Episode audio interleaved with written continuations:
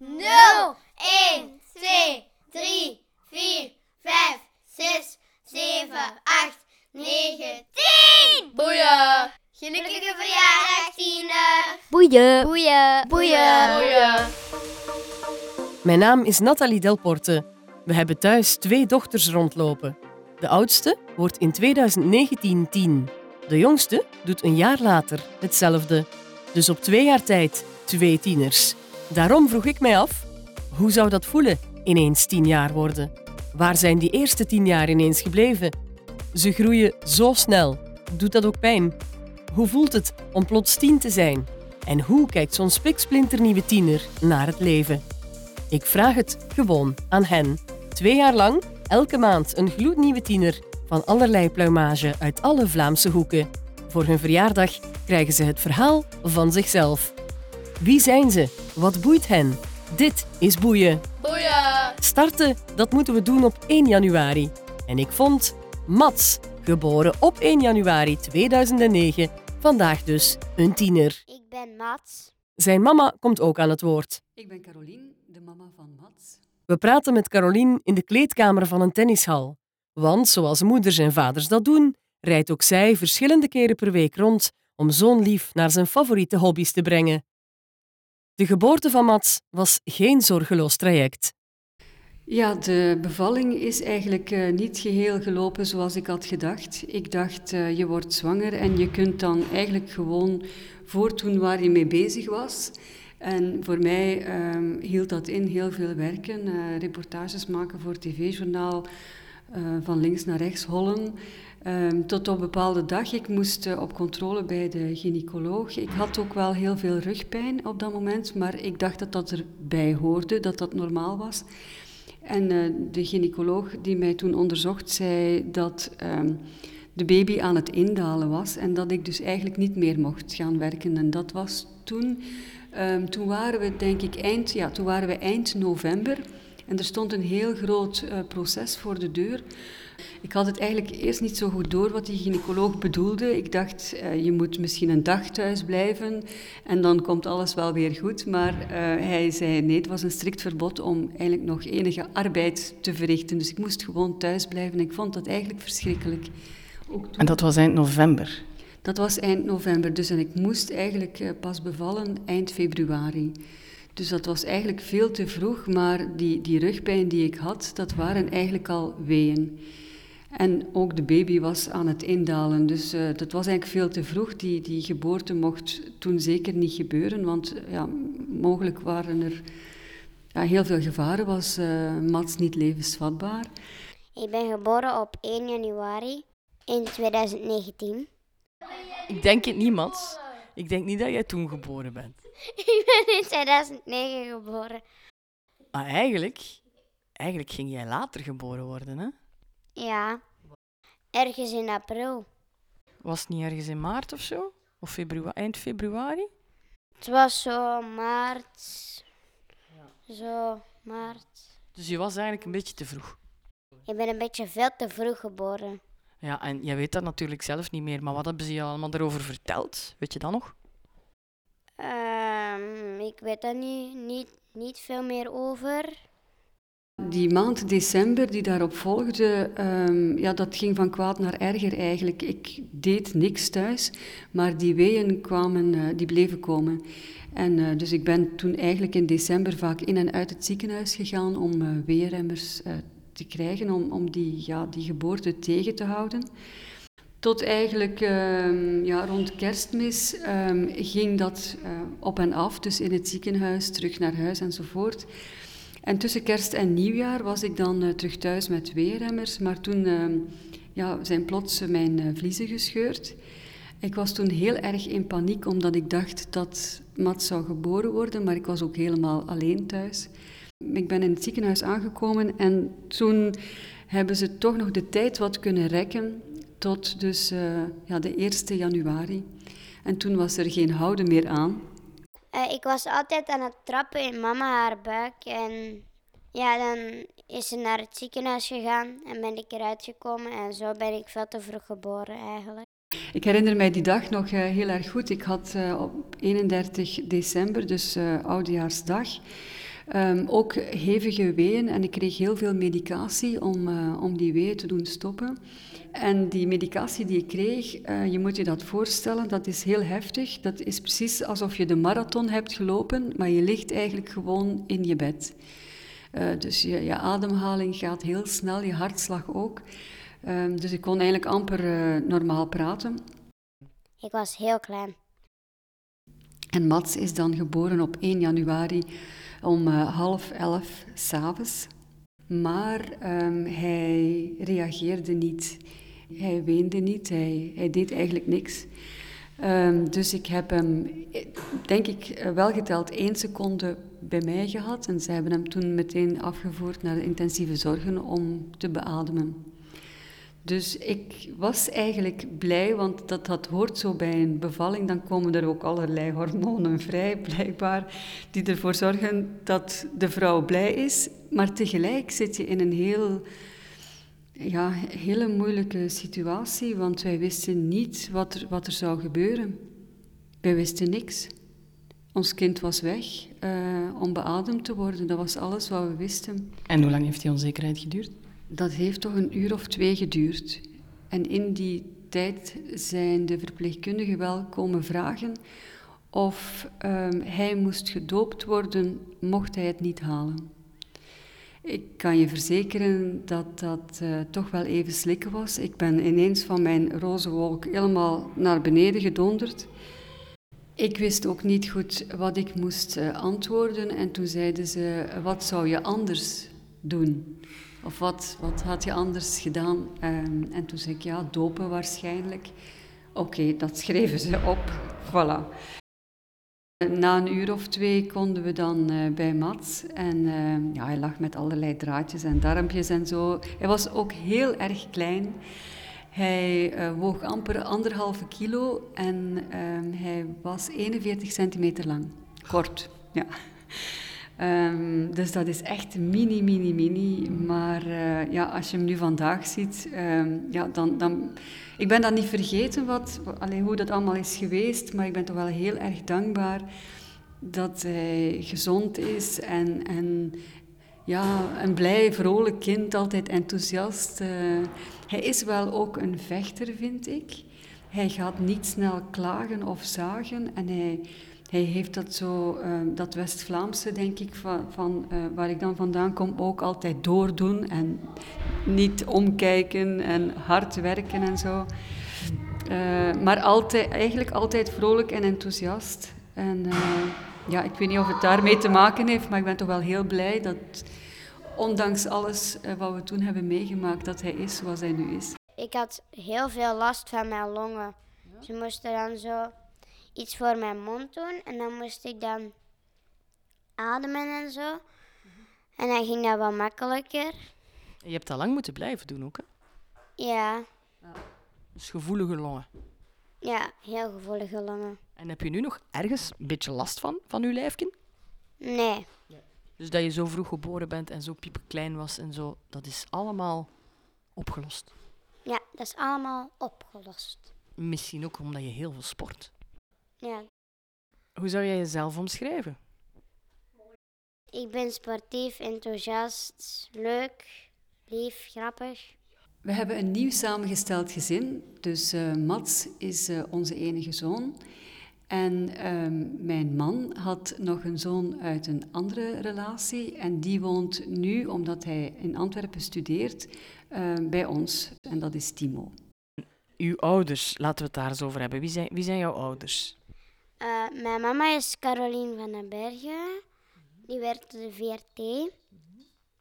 En mijn papa, die schrijft op de Standaard, Mark Eekhout. En mijn broer Timo, die zit nu op de universiteit. En mijn poes Daisy heb ik ook nog. Zeg, die broer Timo, was dat voor iemand? Dat is een leuke jongen. En hoe gaat dat zo tussen jullie? Ja, goed. Hoe zou je jullie gezin omschrijven? Een heel leuk gezin. En als je zo'n broer hebt die wat groter en wat ouder is, zie je dat dan een beetje als een voorbeeld? Ja, een beetje. Hoe, hoe dan? In welke dingen? Ja, zo van later als ik groot ben, dan mag ik dat niet doen. Dan moet ik mijn mama en papa helpen en zo. Dan moet je ook nog veel studeren. Mats en Timo zijn eigenlijk heel eh, verschillend qua karakter. Timo is eh, meer een gesloten jongen. Ehm, daar zie je niet zo heel veel emoties bij. Hij vertelt ook niet zoveel, maar dat heeft ook misschien te maken met, met de leeftijd. En Mats, dat is eigenlijk een open boek. Die, die ehm, ja, flapt alles eruit en, en die stelt ook heel eh, gerichte vragen aan Timo. Bijvoorbeeld, heb je al eens een meisje gekust en zo, wat we anders niet zouden te weten komen, eh, mocht Mats het niet vragen. U, uw ouders, laten we het daar eens over hebben. Hoe hebben die dat tot nu toe gedaan? Met u? Mijn ouders die doen dat goed. Ja? Eh, die zorgen voor mij en zo. En als ik een tennismatch heb, dan brengen die mij naar daar en zo. En wat heb je van hen geleerd? Zijn er nog mensen van wie dat je dingen leert? In uw leventje al, tot nu toe. Ja, mijn neven en nichten. Die leren mij nog dingen bij. Zoals? Eh, mijn neef heeft toen ik op reis was in Spanje, en hij was toen ook mee, mij de vierkantswortel al geleerd. Hola, leg die eens uit. Dus de vierkantswortel van 49 is 7, omdat je het, geda- het getal altijd moet delen door zichzelf. En 49 gedeeld door 7 is 7. Boeien. Ondertussen is Mats nu 1,36 meter en weegt hij meer dan 23 kilo. En de woorden sport, sportief en tennis zijn hier al een paar keer gevallen. Zijn er mensen naar wie je opkijkt? Ehm, ja, David Coffin in de tennis. Hoe belangrijk is die tennis voor u? Heel belangrijk. Vertel. Ehm, als ik een wedstrijd speel bijvoorbeeld, dan, dan voel ik mij altijd verplicht om, ja, ik ga hier winnen en zo. Ja, en terug hè. Ruim het bekken. Werkt dat? Lukt dat? Ja, soms wel, soms niet.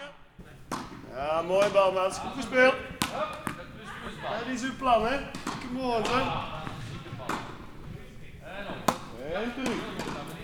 Ruim, ja, nog een keertje. En op. Spin. Goed zo. Ja, en gaan. Weg van mij. Toen ik begon te tennissen was ik vier en een half. Wauw, dat is al lang hè. Ja, dat is al heel lang. En waarom tennis?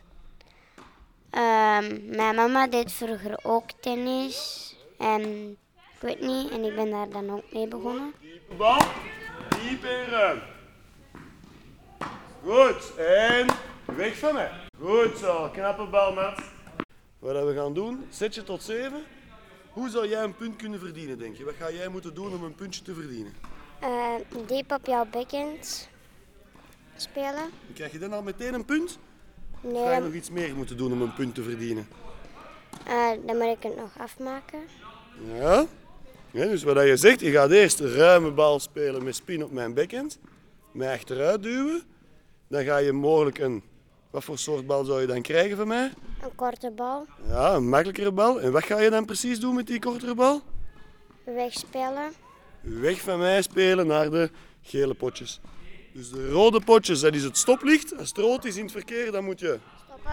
stoppen. Dan mag je nog niet aanvallen. Dan ga je ruim opbouwen, opbouwen. En als je dan die kortere krijgt, Dan naar de groene potjes spelen. naar de groene of de gele potjes weg van mij spelen. Klaar voor het setje tot 7?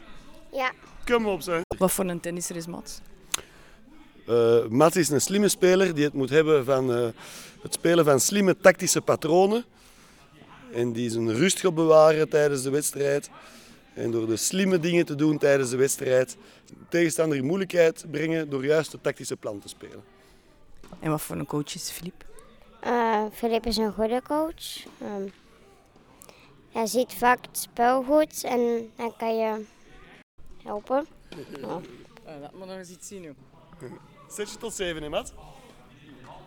Waarom is tennis voor u zo belangrijk? Want je doet het vaak. Hoeveel uren per week tennis je? Ehm, Maandag doe ik twee uur en drie kwartier conditie. Woensdag doe ik één uur tennis.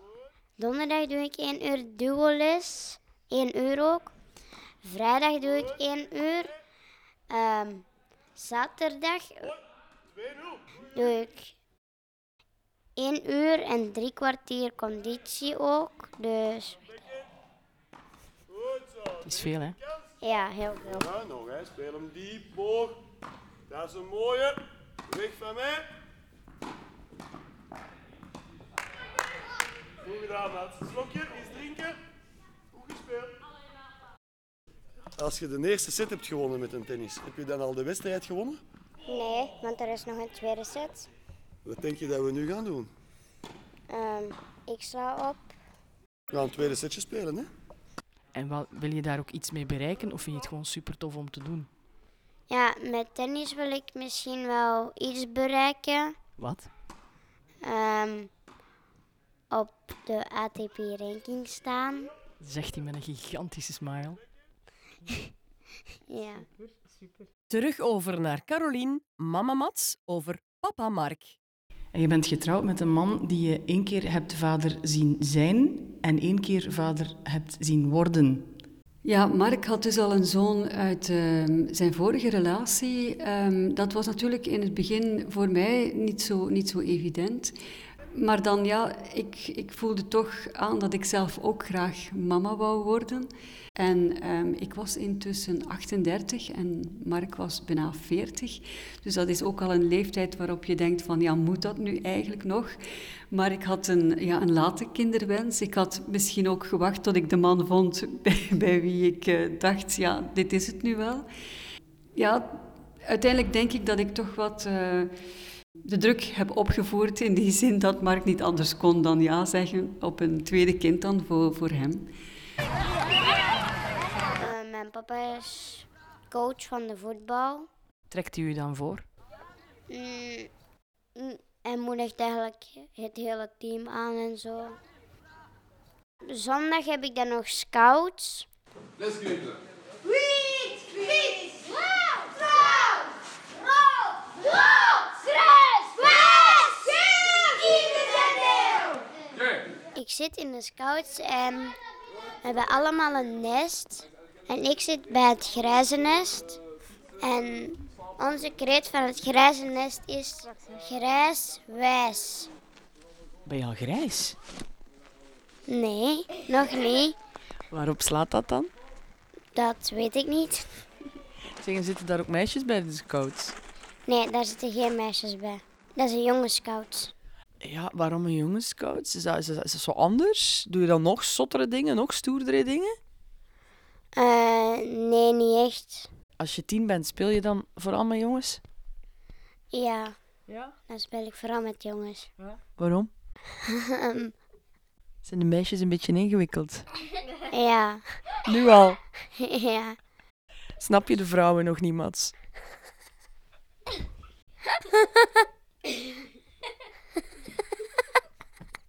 Mats snapt de vrouwen nog niet. Boeien. Zeg, en, en school vertelt daar eens iets over.